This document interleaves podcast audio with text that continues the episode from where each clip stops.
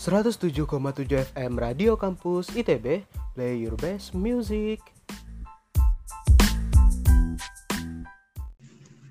Halo teman-teman mahasiswa, kembali lagi di episode 4 podcast Kongko Bareng Nongkrong Santuy Asik Aja dengan judul Setetes uh, Tinta bersama gua Hadi dan Aca. Kali ini kita bakal nemenin waktu gabut kalian dengan pembahasan baru yang pastinya nggak bakal kalah seru dari episode-episode sebelumnya. Uh, kali ini seperti biasa ya, kita bakal kedatangan tamu lagi yang katanya tuh dia suka menulis gitu loh teman-teman mahasiswa. Nah langsung langsung aja nih kita panggil uh, Firman Islami, salah satu mahasiswa jurusan Matematika ITB, angkatan 2018. Halo Firman, gimana nih kabarnya? Hey, eh, alhamdulillah baik banget Fikra sama Aca. Makasih banget udah datang, eh bukan udah datang, udah ngizin aku buat datang di sini ya. Thanks berat. Oke. Okay. Nah, ngomong-ngomong nih, kalau kegiatan selama pandemi di rumah di rumah itu ngapain aja sih? Nah, ya, seperti biasa, seperti teman-teman yang lainnya, mengerjakan pekerjaan rumah bersama orang tua gitu ya. Cuman uh, syukurnya sih, kebetulan aku sekarang di ITB Character Development atau teman-teman taunya LTPB gitu ya, yang trainer-trainer, aku di situ jadi tim writer atau content creator di sana dan uh, di Salman juga sebagai kepala program dari program Growth Body. Growth Body itu semacam suatu program yang memfokuskan untuk meningkatkan skill anak-anak muda zaman sekarang, tapi bukan yang Islam doang ya, untuk umum. Dan selain itu, aku beberapa kali sih beberapa selama pandemi ini ngisi seminar atau jadi moderator dan baru dua hari kemarin aku ngisi seminar di UGM beberapa hari sebelumnya ngisi seminar di Unila. Bukan di Unilanya maksudnya di secara online oleh masyarakat Unila masyarakat UGM dan beberapa minggu sebelumnya sempat ngisi seminar yang didatangi sama seribu peserta gitu ya. itu seminar online seribu peserta itu yang menyebabkan entah kenapa ya followers Instagram naik jadi awalnya dari 3000 menjadi 4000 gitu. Dan alhamdulillah mereka ngasih respons yang positif. Dan ini kayak sekarang kayak sekedar nulis-nulis sama nyiapin bahan buat ngajar les aja. Gitu. Oke mantep banget ya Firman. Itu bisa naik followers bisa naik seribu langsung itu kayak Karoyan jadinya ya. tapi Korean ya, tapi Karoyan seratus ribu men. Iya, beda, beda beda beda level. Iya. Jauh banget. Oke, kan tadi Firman udah nyebut ini uh, sibuk banget lah ya itu di cukup aktif lah berkegiatan di ITB ya. Nah boleh ceritain nggak hmm. sih uh, pengalamannya itu selama di ITB dari awal mula dari TPB sampai sekarang itu gimana sampai Firman bisa jadi orang yang uh, bisa gimana ya influencer ya namanya atau orang-orang yang hmm. bisa nyampein hmm. yang uh, cukup Sebenernya. populer lah di luar ya. Hmm. Gimana? Yeah. Oke okay, gini Pertama, mungkin aku mau menegaskan ya bahwa aku tuh nggak bisa mengecap diri aku sebagai influencer karena aku nggak merasa bahwa aku tuh always mempengaruhi orang lain gitu ya. Walaupun ada orang-orang yang menganggap aku influencer atau sebagai writer dan sejujurnya nama writer, nama influencer, nama apalah sebut motivator gitu ya. Itu penyebabnya karena aku diundang oleh orang, oleh suatu organisasi, oleh suatu lembaga, oleh suatu perusahaan atau apa pun itu untuk bisa ngisi di acara mereka dan kasarannya nih sebenarnya aku nulis tuh bukan waktu pas baru masuk ITB langsung nulis bukan tapi memang waktu pas dari SMA udah nulis SMA kelas 3 jadi uh, mungkin sebelum ngomongin ITB-nya dulu ya ngomongin waktu pas di SMA kelas 3 gitu. Jadi ini kayak awal mulanya ya awal awal mula nulis kan sebelum sebelum bisa kayak sekarang gitu yang misalkan eh, orang-orang uh, mulai kayak ngeh bahwa Firman ternyata mulai nulis gitu. Jadi waktu pas di SMA kelas 3 ada program namanya program pemantapan kan. Ada program pemantapan di mana yang anak-anak kelas 3 SMA-nya ini wajib buat belajar di hari Jumat dari pagi sampai sore gitu kan. Dan waktu pas aku masih kelas 2, masih kelas 2 SMA, itu tuh ada program yang namanya mentoring. Nah, mentoring dari Rohis, di mana biasanya aku tuh ngasih mentoringnya dan aku ngeliat bahwa kalau seandainya waktu pas aku masih kelas 2 tuh aku biasa ngasih mentoring buat adik-adik kelas dan aku ngerasa kayak wah gue bisa dapet nih jalan pahala kebaikan dari sini jalan amal ilmu kebermanfaatan atau amal jariah lah kalau di Islam bahasanya gitu kan nah waktu pas di kelas 3 pas di kelas 3 gue tuh resah gitu loh kenapa bukan berarti merasa kehilangan panggung atau apa ya cuman aku merasa bahwa biasanya aku tuh waktu pas hari Jumat sore, aku tuh mentoring, aku tuh bisa dapat pahala kalau seandainya bisa menyebarkan sesuatu kepada adik-adik kelas gitu kan. Tapi ternyata waktu pas di kelas 3 nggak bisa kayak gitu. Mentoringnya udah dipegang sama adik kelas yang kelas 2 dan aku merasa kayak, aduh, ini saatnya gue lagi butuh doa-doa nih, lagi butuh-butuhnya pahala buat bisa masuk ke kampus impian, untuk bisa dapat apa ya cita-cita gitu ya. Masa ladang pahala malah hilang gitu aja gitu kan. Akhirnya karena perasaan nggak rela pahalanya hilang dan kebetulan waktu itu uh, gue ngeliat di sosial media tuh ya mungkin teman-teman ya ngerasa bahwa beberapa tahun yang lalu gitu ya yang namanya tulisan-tulisan tulisan-tulisan di sosial media tuh kayak lagi masa-masanya alay-alay banget. Masa-masanya kayak kalau nggak masalah cinta-cinta cinta masalah dilan-dilan dilan masalah apa ya masalah kalau saya ada yang Islam pun ya kalau ada konten yang sifatnya Islami pun itu kayak kayak buku biologi men. Jadi baca buku baca apa ya baca konten Islam dari orang tuh kayak kayak baca buku pelajaran bambang oh, siapa iya. coba yang mau baca iya kan? Maksudnya iya, iya kan? Siapa, siapa coba yang mau baca buku apa ya baca baca konten Islami yang dikemasnya tuh kayak ya kayak buku pelajaran banget gitu kasarnya. Dan aku mikir kayak aduh kok konten-konten yang baik kayak gini ya? Gak harus Islami ya? Gak harus Islami. Tapi aku ngeliat konten-konten yang baik tuh rata-rata dikemasnya dalam bahasa yang sangat eh, sangat-sangat tidak ramah mata gitu. Akhirnya aku mikir kayak, aduh, kayaknya ini kalau saya diolah jadi lebih enak gitu ya, lebih enak dibaca, bakal bisa diterima oleh orang banyak gitu. Dan alhasil aku coba bikin tulisan-tulisan yang aku ambil dari misalkan uh, dari Facebook ada orang nulis tentang Valentine, jangan mengatakan Valentine kepada agama lain atau jangan mengucapkan selamat Valentine dan itu aku coba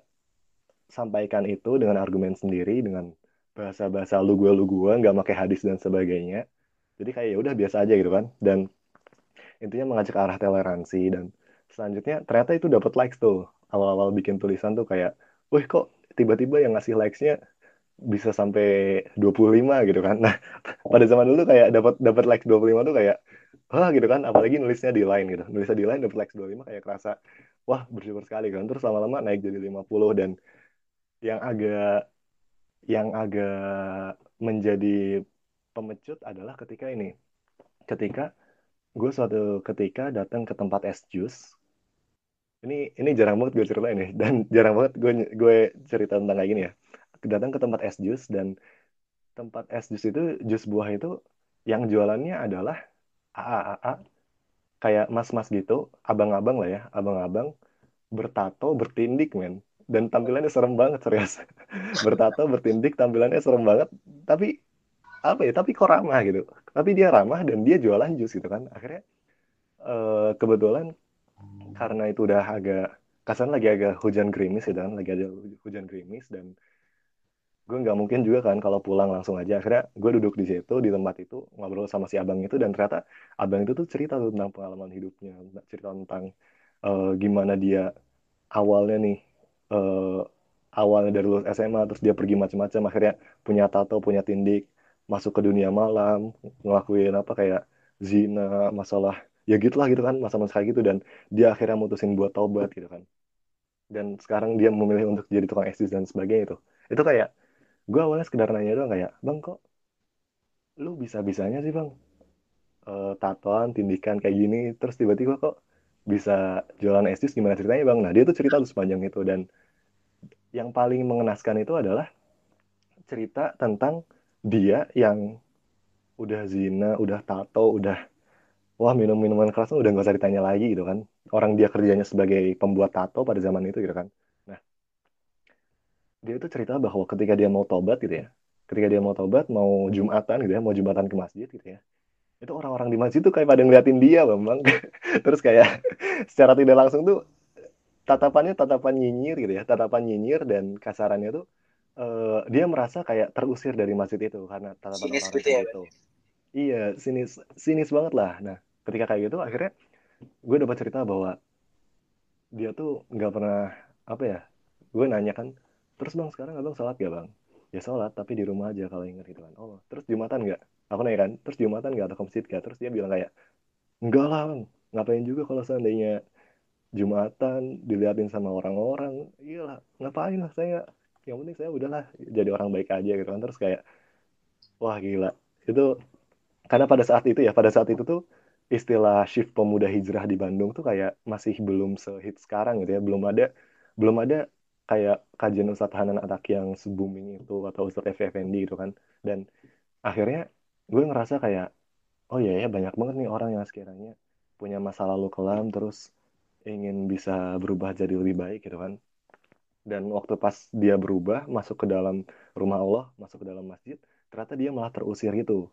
Karena terlihat penampilannya kayak gitu. Dan gue bikin tulisan kayak gitu gue pagi nge-share dan ternyata waktu pas uh, malamnya gue dikabarin bahwa ternyata tulisan gue tuh banyak yang likes dan gue cek gue waktu dulu HP-nya masih HP Samsung Galaxy Y gitu loh yang harganya kurang dari satu juta yang kalau seandainya ada notifikasi lain bakal nge-like secara langsung gitu ya. Dan pada seharian itu entah kenapa HP gue nge-like banget gitu kan kayak nge-like ini ini kok kayak kayak kayak berat banget gitu kan. Akhirnya pas malam-malam gue coba buka ternyata ada yang ngasih tahu bahwa tulisan gue tulisan gue viral katanya. Dan pas gue lihat likesnya udah 2000 atau udah 3000 gitu kan. Dan akhirnya ketika udah kayak gitu yaudah gue gue matiin notifikasi lain beberapa minggu kemudian eh beberapa hari kemudian jumlah likesnya ternyata sampai ke angka 5000 dan sekarang gue lihat jumlah likesnya udah 7000 terakhir gitu kan. Dan wow. banyak banget nih. itu iya itu itu sebenarnya kayak gue yang biasanya nulis kayak ya likes paling banyak ke 50 100 lah kasarannya gitu kan ternyata oh. tiba-tiba pada saat baru beberapa kali tulisan ternyata yang yang ngasihnya sampai 7000 kasarannya dan aku ngelihat kayak di bagian komentarnya di bagian di bagian komentarnya di bagian share-nya mereka ngasih tanggapan apa rata-rata tuh mereka tuh kayak wah banyak banget nih orang-orang yang bersuara kayak gini juga yang ngasih support buat si abang tukang jus itu yang ngasih uh, penjelasan kepada orang-orang yang ya lu jangan so suci kalau saya beragama bla bla itu banyak banget juga gitu. Bahkan di komentar-komentarnya ada ada yang kayak ya pet promote endorse macam-macam gitu kan. Dan aku ngeliat kayak wah ternyata uh, banyak juga orang-orang yang akhirnya berani speak up dan mereka merasa kayak terwakili lah perasaannya gitu. Dan ketika ketika itu juga gue ngerasa kayak wah selain gue bisa akhirnya nih di tulisan itu gue cerita bahwa si abang itu kang jus ini sekarang udah memang udah baik lah alhamdulillahnya. Jadi gue kayak walaupun dia usianya di atas gue gitu ya pada waktu itu gue posisikan diri sebagai kayak semacam mentornya dia pembimbingnya dia pendampingnya dia hingga akhirnya dia bisa kayak nyaman lagi buat beragama gitu. Dan alhamdulillahnya tuh gue ngerasa kayak dengan tulisan secara gak langsung tuh bisa mengubah cara pandang orang gitu. Dulu orang mungkin kalau sering lihat orang tatoan ke masjid itu kayak anti gitu ya dikira mau maling kotak amal, dikira mau maling amplifier gitu kan. Tapi ketika tulisan itu udah udah mulai kesebar gitu ya, ternyata nih mulai nih beberapa saat setelah itu, beberapa minggu kemudian ada kayak informasi tentang uh, hapus tato gratis dengan syarat hafalan surat Ar-Rahman atau hafalan surat apa gitu dan mulailah rame-rame juga kajian apa ya kajian-kajian tentang pemuda hijrah, tentang shift, tentang anak-anak pang di kota Bandung kayak gitu gitu dan aduh gue kayak ngerasa ngajak juga deh si abang ininya si abang yang tukang jusnya buat ke kajian-kajian gitu. Dan gue ngerasa kayak alhamdulillah banget bisa bisa apa ya kasarnya hanya dengan gue ngerasa ya kayak hanya dengan duduk nulis menuangkan apa yang dirasain ternyata bisa ngubah sudut pandang orang bisa ngubah pemikiran orang dan hal itu bisa ngebuat dunia jadi lebih paham tentang orang lain gitu. Dan gue merasa kayak gitu kan merasa kayak bahagia gitu ada perasaan senang di sana gue ngerasa mudah-mudahan bisa dapat bisa dapat manfaat di sana gitu.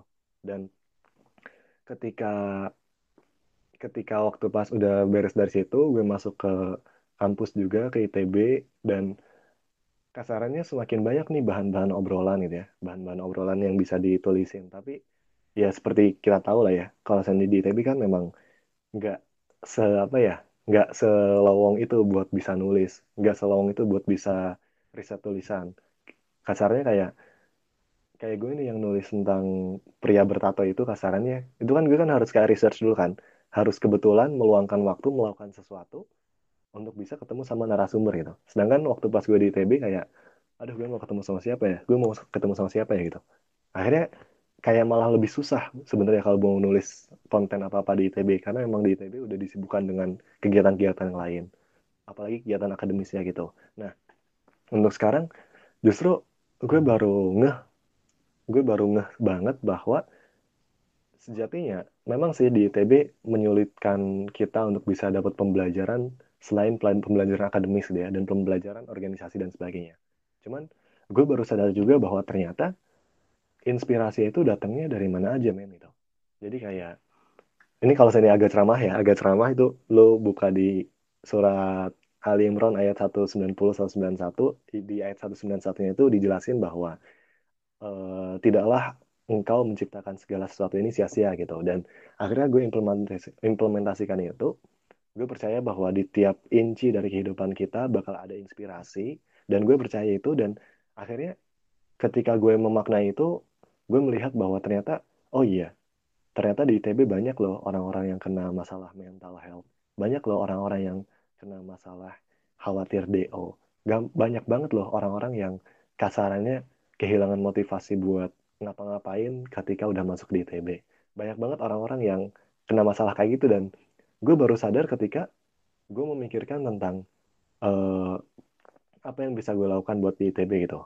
Dan akhirnya ketika gue mulai nulis tentang mental health, ketika gue mulai nulis tentang pengalaman orang, ketika gue mulai nulis tentang uh, insight-insight yang sekiranya bisa mencerahkan, itu alhamdulillah orang-orang mulai kenal dan mulai nggak bahwa ternyata oh si Firman nih suka nulis. Dan rata-rata sih walaupun gue nulisnya jarang gitu ya sekarang memang gue agak jarang ini ya agak relatif agak jarang buat nulis di sosial media sendiri.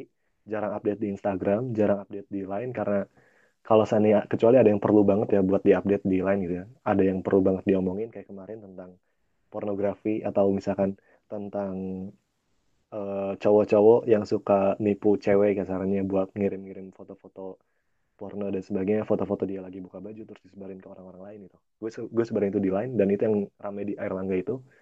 Nah sekarang gue relatif agak jarang nulis di akun pribadi karena posisi gue sekarang di jadi kepala departemen dari siar media gamais ITB gitu. Jadi karena aku jadi kepala departemen di, siar media gamais ITB yang bikin konten juga di situ. Lalu di bagian ITB karakter development untuk jadi content writer juga. Dan di program yang di Salman yang growth body yang untuk pelatihan soft skill jadi gue ngerasa kayak aduh sekarang belum saatnya buat bisa nulis di lahan pribadi lagi nih. Saatnya sekarang untuk belajar di tempat lain dulu mencari ilmu kasarannya kayak inkubasi dulu deh bentar kayak mengempompongkan diri dulu supaya nanti waktu pas udah beres amanah di Gamais udah beres amanah di ITB Karakter Development udah beres amanah yang di Salman gue bisa balik lagi ke akun gue sendiri dengan kualitas yang lebih jauh lagi. Gitu. Eh gila ini panjang banget kayak khotbah maafin. Wah, keren, keren banget sih tapi ini ceritanya. Iya banget. Uh, sangat itu sangat apa sih menginspirasi apalagi tadi yang uh, apa sih yang preman tadi ya? Itu ya, ya itu lu bisa bisa bisa dibuka di line tapi itu tulisannya udah lama kan? Jadi cara oh, iya. cara buka ini kalau mau cara bukanya tuh kalau mau klik cari aja di line di line firman.islami tinggal di add terus uh, kalau mau nih ya kalau mau tinggal di klik salah satu postingannya terus salah satu postingan aku tuh pasti di bagian bawahnya tuh ada hashtag firman islami gitu.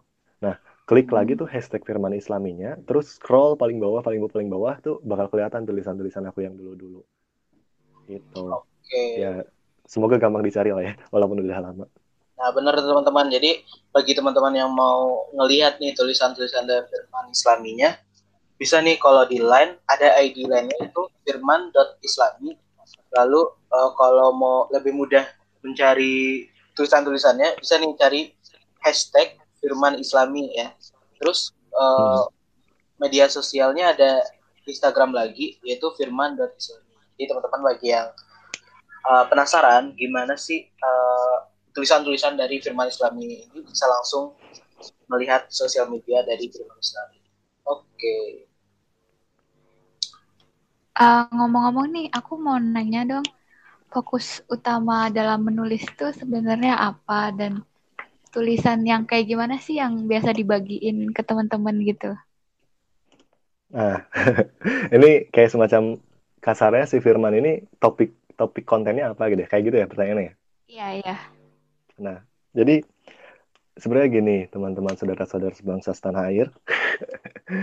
Awal-awal tuh gue tertarik sama meracik meracik suatu hal yang uh, berhubungan sama Islam. Jadi gue kayak base-nya Islam banget lah kasarnya gitu kan. Karena pas di SMP gue jadi apa ya kayak di SMP di SMP ketua rohis dan di SMA ikutan rohis rohis juga gitu ya. Jadi kayak alhamdulillahnya gue bisa relatif banyak ngeliat tentang Islam Islam gitu dan ketika gue ngeliat ini di sosial media kok uh, masih banyak banget tulisan-tulisan yang sifatnya islami tapi kayak baca buku biologi gitu akhirnya gue mikir kayak oh kayaknya lahan gue itu adalah tulisan-tulisan yang sifatnya Islam yang sifatnya agama religi gitu ya. Cuman dibungkus demikian rupa supaya nggak kelihatan kayak religi gitu. Jadi kayak kalau selama ini mungkin titik beratnya adalah kayak tentang apa ya uh, rata-rata ngelihatnya orang kayak ini kayak konten motivasi gitu kan. Padahal sebenarnya gue ngeliatnya itu kayak ya sebenarnya kayak konten konten konten Islam aja. Tapi gue bungkusnya dengan cara-cara yang lebih umum gitu yang shiftnya universal gitu. Dan kalau saya dibilang kayak berarti ini akun Islami dong? Enggak juga karena aku menargetkannya buat orang-orang umum. Dan topik-topiknya itu dari Islam kan Islam dikaitkan sama apa-apa gitu kan.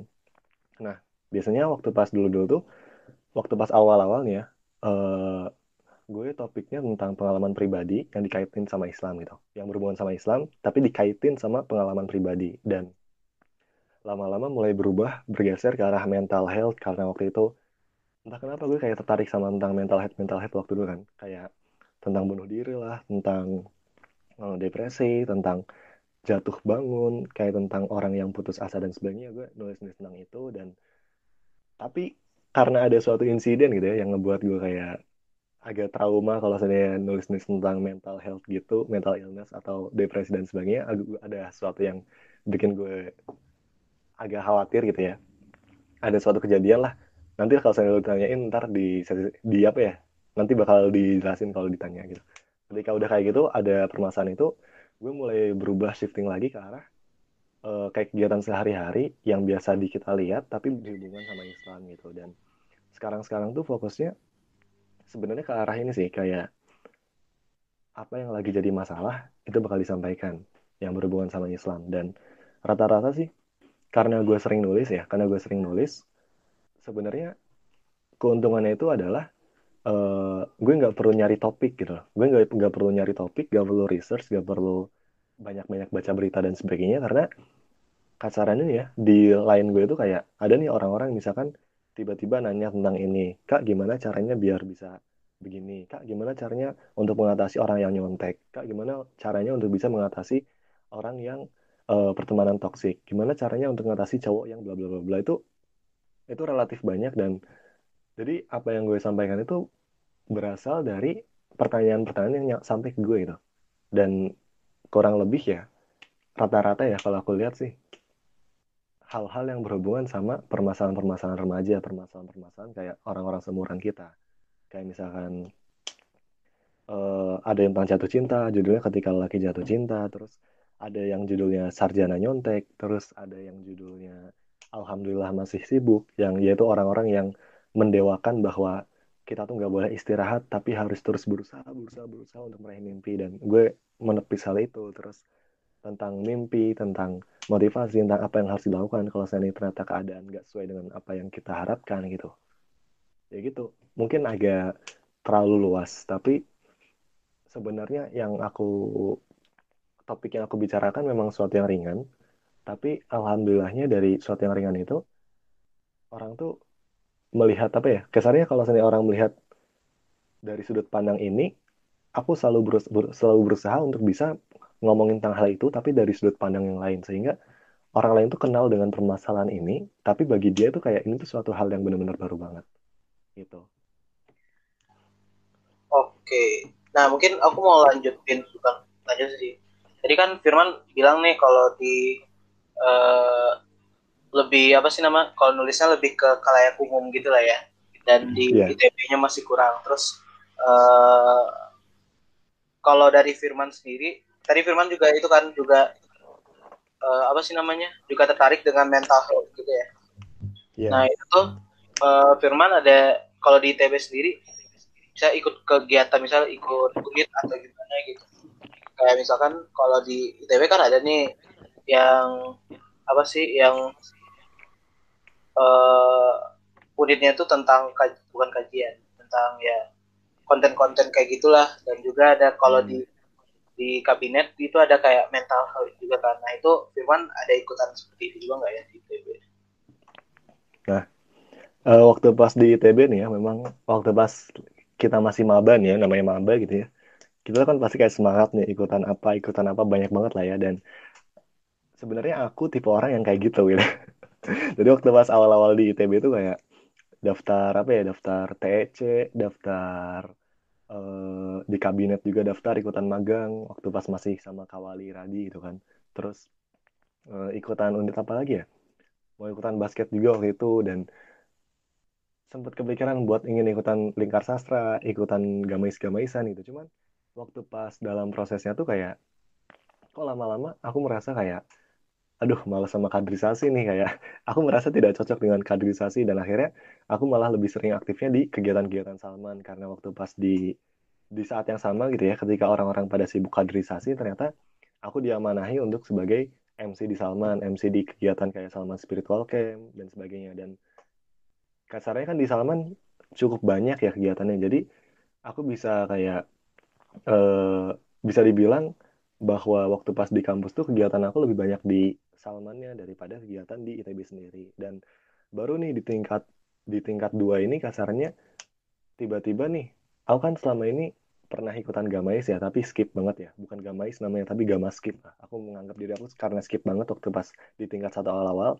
Jarang ikut kumpul gamais karena merasa aku kayaknya masuk departemen yang salah deh gitu kan. Aku sempat merasa kayak gitu akhirnya aku kayak skip gitu dari gamais dan sekarang-sekarang tuh mungkin ya karena karena orang melihat bahwa Firman relatif sering nulis dan sebagainya Firman ternyata ditarik ke gamais bukan ditarik ya di di kelas rek lah di kelas rek dari teman-teman di Gamais untuk menjadi kepala departemen share media di ITB gitu kan di Gamais ITB dan karena hal itu juga kan Firman kegiatan di ITB nggak ada unit-unitan selain Gamais dan di ITB-nya sendiri selain unit-unit ya selain Gamais Firman ikutnya itu ini trainer SMP SSDK nah di trainer SMP SSDK ternyata sekarang ditarik lagi buat jadi tim supportnya jadi tim inti dari trainernya yang bertugas untuk ngebuat konten atau sebutlah kayak materi-materi yang akan disampaikan ke adik-adik trainer gitu. Jadi mungkin aku mahasiswa ITB yang semi bukan ITB gitu ya karena kegiatannya lebih baik di luar daripada di dalam ITB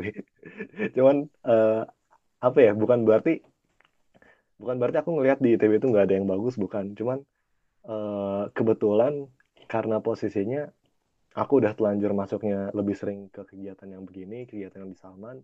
Dan terlebih lagi aku kan e, nerima beasiswa perintis di mana beasiswa perintis tuh berasal dari Salman. Jadi aku merasa kayak punya tanggung jawab lebihnya untuk aktif di Salman gitu ketimbang di ITB jadi kalau di ITB aku cuma di Gamais sama di yang kegiatan trainer SMP SSDK doang. Ya gitu ah keren banget sih tapi uh, dengan kesibukan yang kayak gitu tuh cara ngatur waktunya gimana sih kayak aku penasaran aja gitu Nah, ini uh, pasti orang-orang kayak nanya tentang gimana sih cara ngatur waktu gitu kan. Dan ini sih yang sebenarnya aku bilang tadi yang tentang mental health yang aku agak tragedi. Sebutlah sesuatu yang aku nggak, yang membuat aku nggak mau terlalu mendalami tulisan tentang mental health di akun pribadi gitu ya. Kalau saya ternyata di akun gamai atau di akun karakter, yang pokoknya akun organisasi aku nggak apa sih kalau nulis. Cuman kalau akunnya akun pribadi terus nulis tentang mental health aku nggak mau alasannya kenapa karena gini ini agak mirip sama manajemen waktu ya karena waktu pas aku nulis tentang mental health dan sebagainya itu tuh mulai banyak nih orang-orang yang anonim orang-orang yang pakai akun palsu orang-orang yang aku nggak tahu siapa tapi ternyata dia tuh ngebaca tulisan aku dan dia cerita tentang berbagai permasalahannya ke aku ya. Mulai dari masalah dia mau bunuh diri lah dia nggak kuat buat belajar di sini lah dia nggak apa ya orang tuanya kayak gimana lah.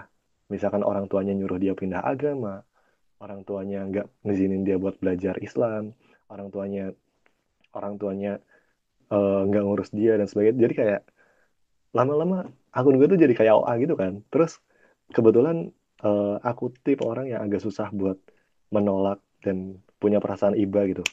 Jadi kasarnya pada waktu itu ketika banyak orang yang cerita aku malah tersibukkan untuk membantu mereka di sosial media kayak balas balas chat kayak ngasih saran dan sebagainya dan sebagainya gitu kan. Dan pada saat pada saat di semester 2 semester 3 tuh kayak aduh akademisnya malah kayak belepotan gitu kasarannya. Dan wah pokoknya malah nggak kebegang lah gitu. Malah kewajibannya terlupakan. Akhirnya ketika kayak gitu sekarang sekarangnya aku benar-benar kayak oh aku tahu nih batasan aku. Akhirnya aku memutuskan untuk berhenti nulis-nulis tentang mental health kayak gitu dan nggak terlalu menulis yang sekiranya mengundang orang lain untuk bercerita ke akun pribadi. Karena kalau saya udah bercerita aku nggak bisa nolak biasanya susah. Dan akhirnya untuk manajemen manajemen waktu gitu ya untuk manajemen waktu kasarnya dengan aku aku nggak merasa bahwa kegiatan aku itu mengambil banyak pekerjaan itu aku nggak merasa bahwa kegiatan aku itu mengambil banyak waktu nah aku nggak merasa gitu justru akunya merasa bahwa uh, yang mengambil banyak waktu itu adalah proses chattingan, proses ngecek grup, proses kayak apa ya?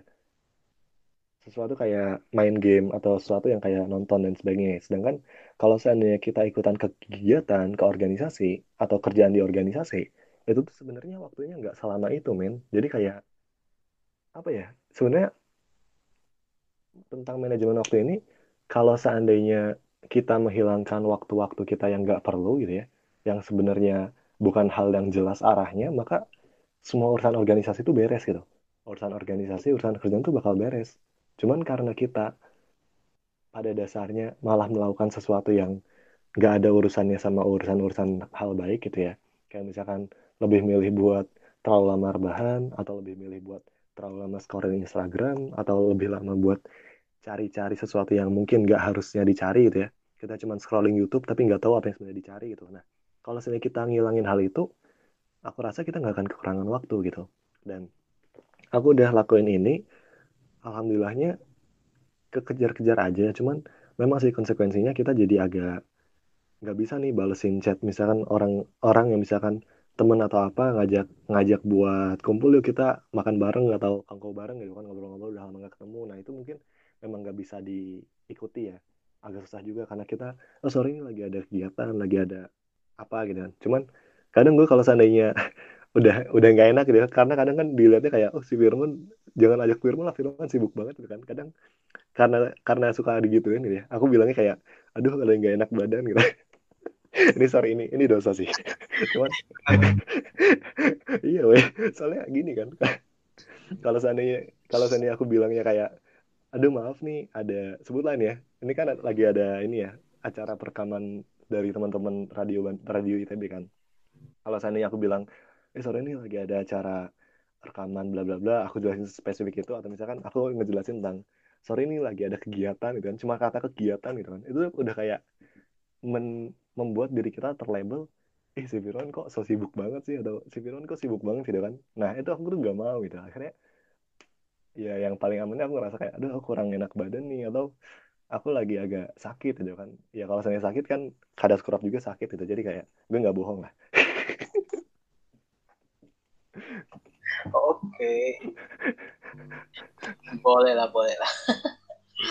Itu ya, in... kalau dari sendiri kan itu kan aku lihat-lihat nih Firman nih orangnya suka uh, apa sih menyampaikan pengalamannya gitu gak sih ke orang-orang? Nah itu dulu Firman pernah aku nih sebagai seorang uh, mentor OSKM nah itu kalau dari Firman sendiri ada kepikiran gitu nggak sih? Dulu pernah mau ikut mentor OSKM atau dulu ikut mentor? Enggak. Nah uh, jadi gini tentang mentor OSKM aduh ini cita-cita yang terpendam sebenarnya ada dalam hati itu sebenarnya sekarang ada merasa penyesalan gitu kenapa waktu dulu nggak nggak jadi mentor OSKM juga gitu kan. Uh, serius ini ini ini aku ngerasa kayak sekarang sekarang tuh kayak ada perasaan penyesalan ya. Jadi ini buat buat maba-maba nih ya kalau saya ada yang denger ya. Kalau saya ada kesempatan buat bisa aktif di OSKM atau ikut di OSKM gitu. Ya kasarnya apa ya itu tuh kayak event event yang selama di kampus ITB selama kita kalau kita usia empat tahun yang kemudian empat tahun atau bisa lebih bisa kurang dari itu kasarnya kita tuh cuman bisa dapat kesempatan untuk jadi mentor tuh cuman cuman cuman sekali doang kan buat daftar pertama di tahun pertama.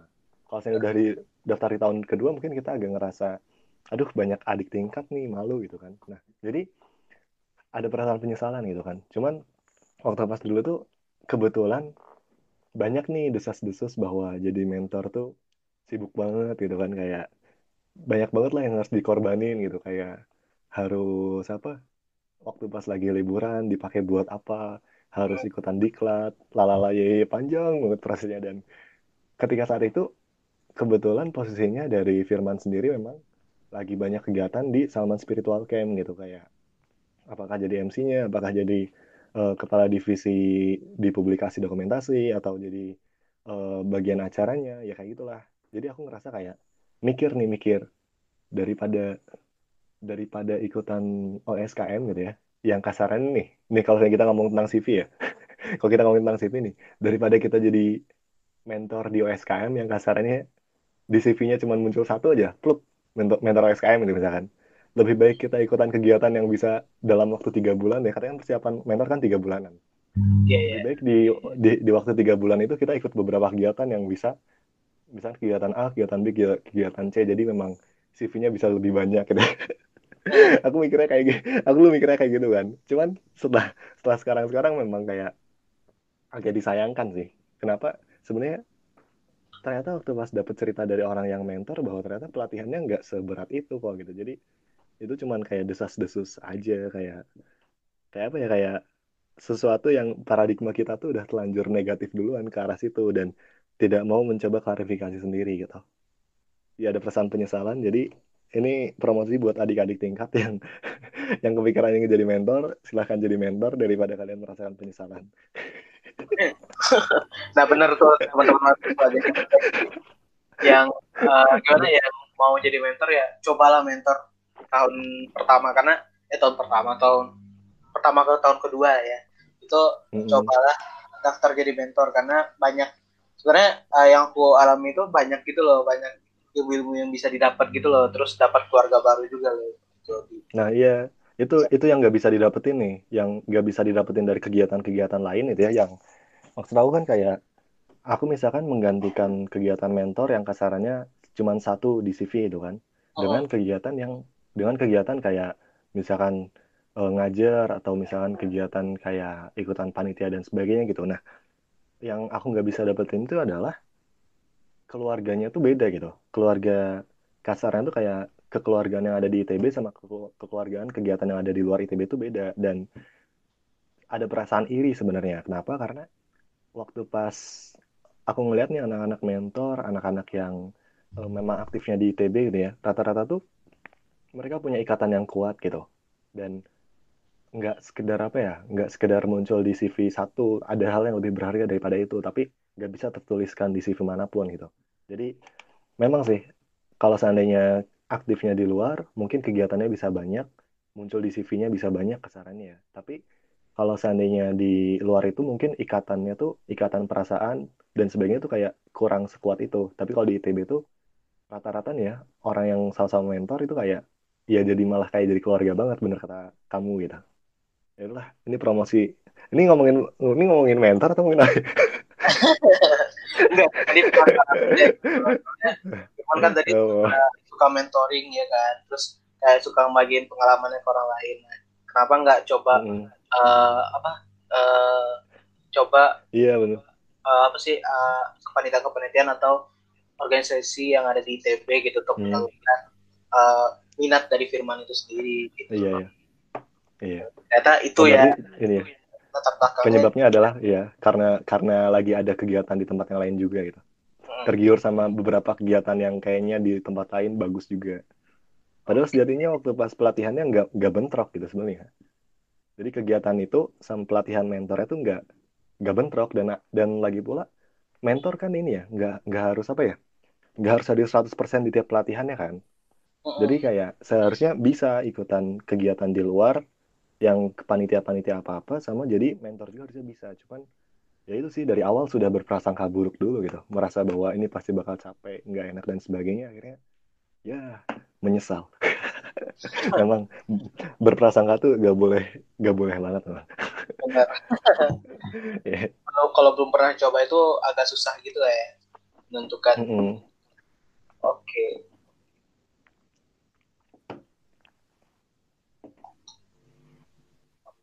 Halo Aca. Aca mungkin ada pertanyaan lagi? Halo, halo. Ya. Ah, karena tadi udah bahas seputar segalanya lah ya. Ah, aku mau nanya aja sih Sebular segalanya. buat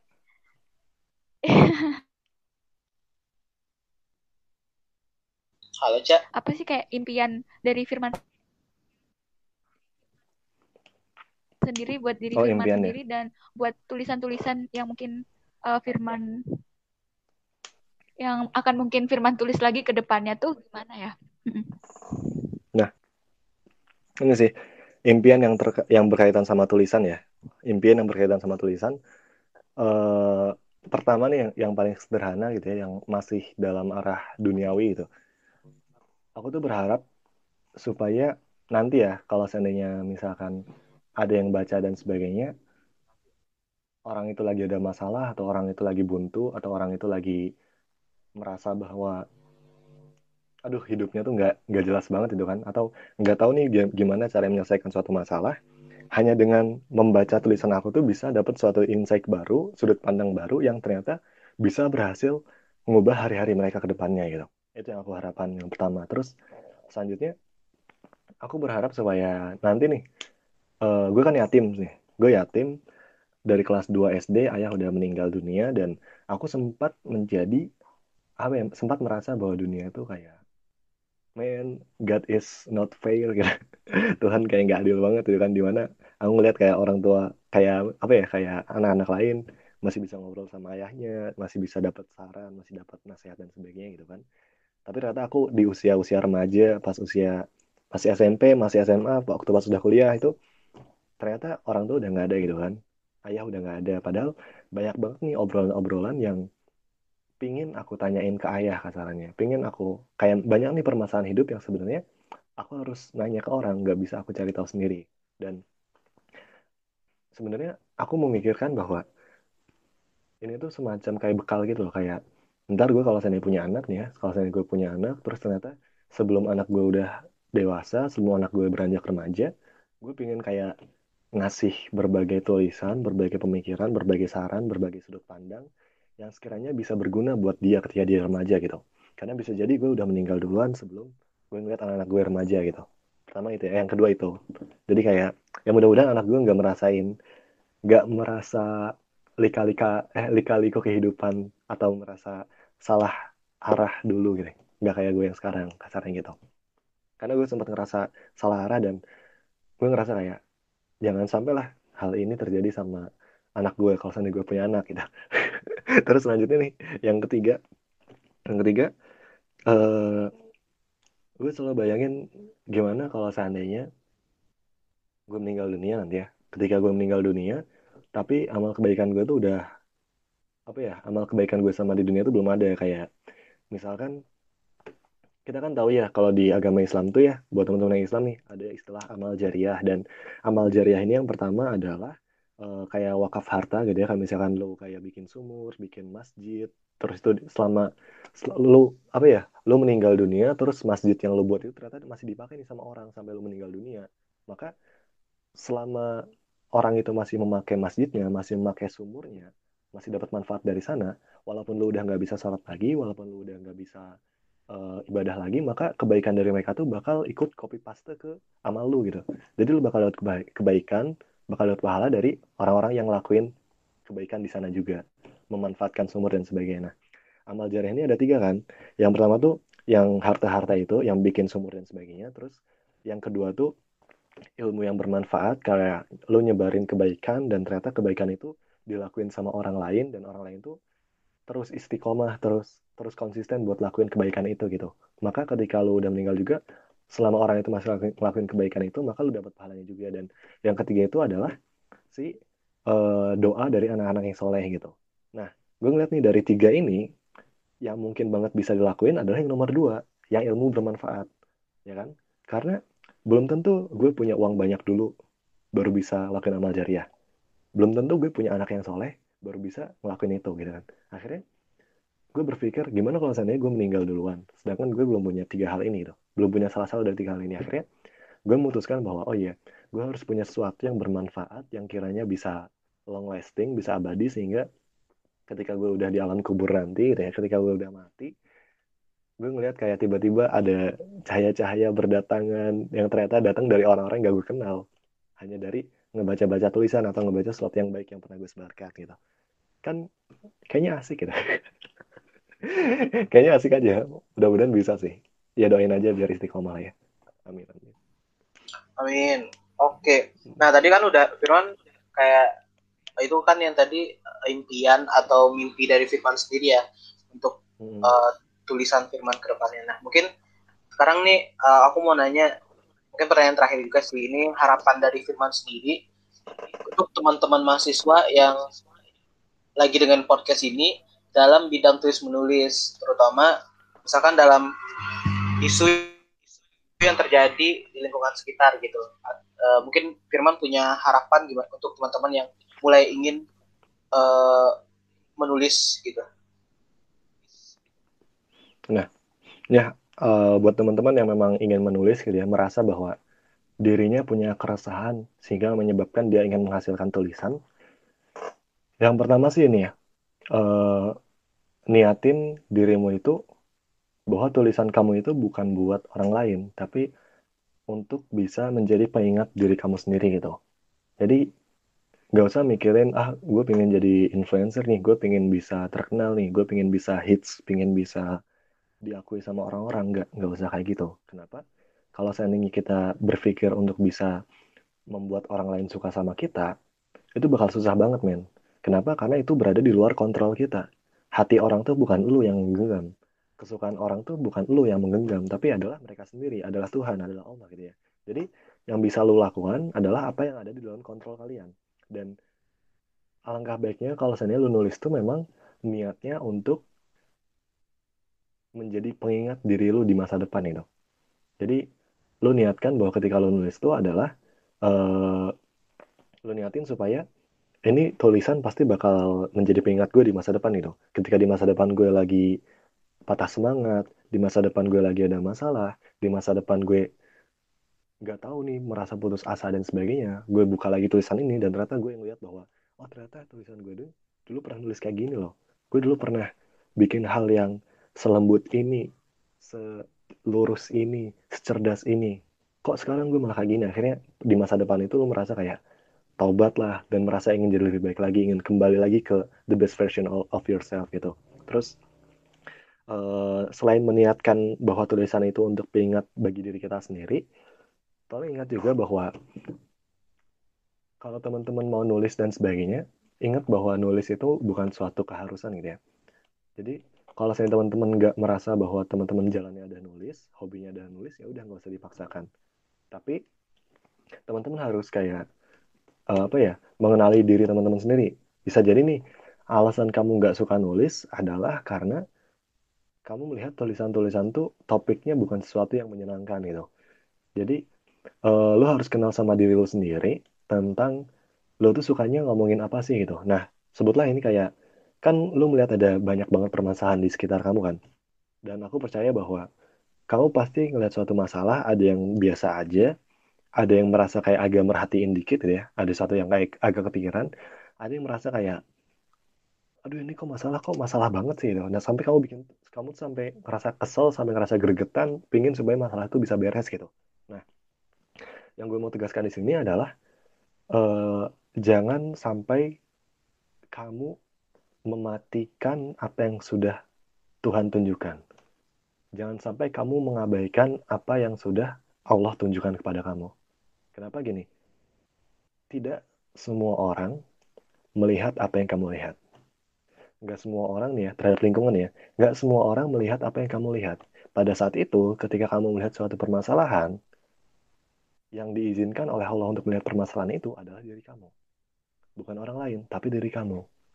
Dan kamu bisa memutuskan apakah kamu mau menindaklanjuti itu atau enggak. Dan pasti ada alasan kenapa Tuhan atau Allah menunjukkan masalah tersebut kepada diri kamu. Gak mungkin dong Allah ngasih masalah atau menunjukkan suatu permasalahan kepada seorang manusia dengan maksud untuk kayak ngejek doang. Atau dengan maksud kayak sia-sia doang. kembali lagi ke ayat yang 191 Al Imran tadi bahwa nggak mungkin ada ciptaan Allah yang sia-sia nggak mungkin ada hal yang disia-siakan oleh Allah gitu kan termasuk kalau saya lu punya hal sekecil apa pun gitu yang membuat lu ngerasa kayak duh kayaknya gue harus nulis ini deh loh kok ini jadi masalah sih? Loh kok ini ada permasalahan ini sih? Nah ketika lu udah ada panggilan hati sekecil apa pun itu selembut apa pun itu ya udah bisa jadi itu memang petunjuk dari Allah bahwa lu tuh adalah solusi untuk menjawab bersama untuk menjawab permasalahan itu gitu. Jadi coba lebih peka lagi jangan mengabaikan kode-kode dari Tuhan lah ya. Jangan mengabaikan kode-kode dari semesta yang semesta berikan bahwa sejatinya mata kita tuh beda menurut aku masalah tapi bisa jadi menurut kamu bukan masalah dan ketika menurut kamu itu adalah masalah bisa jadi menurut aku bukan masalah menurut yang lain bukan masalah tapi menurut kamu ini masalah gitu dan ketika kamu melihat kayak gitu harusnya berpikir bahwa ada alasan kenapa semesta menunjukkan bahwa itu adalah masalah bagi aku. Alasannya apa? Alasannya adalah karena semesta percaya bahwa kamu adalah solusi untuk menjawab permasalahan itu. Dan salah satu solusinya yang insya Allah mungkin paling mudah adalah dengan membuat tulisan. Ya, gitu aja buat kamu kalau seandainya mau mencoba lebih peka, ingat lebih peka sama kode-kode semesta. Karena nggak semua orang melihat diizinkan melihat apa yang kamu lihat. Gitu. Ya, Oke. Fikra. Oke, mantap banget teman-teman. Nah, jadi bagi teman-teman yang mau mulai nih eh dalam mulai berkar mau berkarya dalam bidang tulis menulis bisa ikutin saran-saran dari Firman tadi ya teman-teman ya. Nah, mungkin eh kalau pertanyaan-pertanyaan untuk podcast ini Ada gimana Firman? ada mau, mau nambahin deh, mau nambahin deh. Oh, ya, biar biar mau biar mau mulai nih ya. Nih. Eh, misalkan kamu ini udah apa ya, udah melihat suatu keresahan gitu kan, udah melihat suatu keresahan dan akhirnya kamu memutuskan oke gue harus nulis gitu. Nah, ketika kamu udah punya semangat untuk nulis itu dan memulai untuk menulis, biasanya hambatan yang terjadi selanjutnya adalah kita selalu merasa bahwa ini tulisan gue tuh bagus atau enggak ya? Tulisan gue ini layak untuk diedarkan atau enggak ya? Ini tuh udah bagus apa belum ya gitu. Jadi kasarnya di pikiran kita tuh ngotot supaya gimana caranya bisa membuat tulisan yang berkualitas. Pikiran kita itu ngotot gimana caranya bikin tulisan yang benar-benar bagus, kualitasnya bagus gitu ya. Tapi sebenarnya kunci dalam memulai segala sesuatu bukan itu. Kuncinya adalah mengutamakan kuantitas dulu, bukan kualitas. Jadi nggak bisa lo, lu langsung bikin karya pertama dan boom langsung booming hits dan sebenarnya nggak mungkin kayak gitu. Bahkan sebutlah kayak artis-artis yang sekarang terkenal, apakah uh, lu pecinta Iwan Fals, lu pecinta uh, Shawn Mendes atau Ed Sheeran atau misalkan siapa pun itu gitu ya. Hasil karya pertamanya pasti sesuatu yang jelek gitu dan yang membuat mereka bagus adalah karena kuantitas mereka banyak, mereka udah bikin nih produk A, lalu lanjut ke produk B, lanjut ke produk C. Produk A ternyata dia kurang bagus. Nah, ketika lu udah bikin produk A, lu bakal tahu nih oh kekurangan produk A kayak gimana gitu kan. Ketika produk A lu udah bikin kekurangan apa, lu paham bahwa kekurangannya kayak gini, lu bikin produk B. Produk B pasti lebih bagus daripada produk A dong. Kenapa? Karena lu belajar dari produk A, dari kesalahannya produk A gitu kan. Akhirnya dari produk B, lu bikin ternyata masih ada kesalahan lagi. Lu bikin produk selanjutnya. Selanjutnya, selanjutnya, selanjutnya, hingga akhirnya lu bisa bikin produk yang sekiranya benar-benar pas sama lu. Yang benar-benar ideal sama lu gitu. Jadi, yang pengen gue tegaskan adalah di sini, jangan hanya mengutamakan kualitas terlebih dahulu untuk pertama-tama. Jadi, untuk memulai segala sesuatu, tugas pertama adalah pecahin nih yang awalnya nol berubah menjadi satu gitu. Jadi kejar dulu kuantitasnya, karena semakin banyak apa yang kita buat, semakin banyak lahan kita buat belajar. Semakin banyak produk hasil kita, semakin banyak tulisan-tulisan kita, kita bakal semakin banyak nih lahan buat belajar, untuk evaluasi, untuk analisis. Mana yang baik, mana yang gak baik. Sehingga dari berbagai macam kesalahan-kesalahan itu, berbagai macam sampel riset itu, kita bisa bikin suatu produk yang memang kualitasnya baik banget. Nanti nih, kalau seandainya kualitasnya udah, apa ya, kuantitasnya udah banyak banget, seiring dengan waktu, pasti kualitas kamu juga bakal bertambah. Gitu. Jadi memang mungkin pertamanya nggak akan bisa sebagus itu. Hal yang menurut kamu udah bagus banget, pasti nggak akan dianggap bagus banget sama orang lain gitu ya. Cuman itulah proses dari pembelajaran. Jadi nggak usah merasa apa ya, nggak usah merasa I must stop kalau seandainya hasil karya pertamanya jelek gitu ya. Nggak usah merasa kayak gitu karena gue percaya kalau seandainya memang ini untuk kebaikan, lu niatin untuk kebaikan Tuhan, pasti Tuhan bakal ngasih bantuan. Gitu ya. Oke, Fikra, ini kayak ceramah lama-lama. Oke. santai, santai. Khotbah nih. nongkrong santuy oke nah bagi teman-teman yang ya benar tuh ya bagi teman-teman yang eh, mau mulai berkarya di bidang tulis menulis bisa nih ikutin tips dan trik dari Firman Islami tadi ya yang udah disebutin Firman Islami tadi nah mungkin eh, semoga nih harapannya bisa menjadi tulisan-tulisan teman-teman yang ingin mulai bergelut di bidang tulis menulis ini bisa menjadi inspirasi orang lain dan juga semoga firmannya eh, bisa eh, memberikan inspirasi lagi kepada orang-orang lain ya. Mungkin eh, kalau bisa harapannya di ITB juga dikasih itu nih, dikasih inspirasi juga nih ya firmannya. Amin, amin. Mudah-mudahan ya. Semoga bisa. Nah mungkin untuk podcast kali ini kita cukupkan dulu ya teman-teman ya. Eh, pada podcast episode 4 kali ini, nah stay stay tune terus teman-teman di podcast Radio Kampus ITB dan sampai jumpa lagi di episode selanjutnya. Goodbye teman-teman.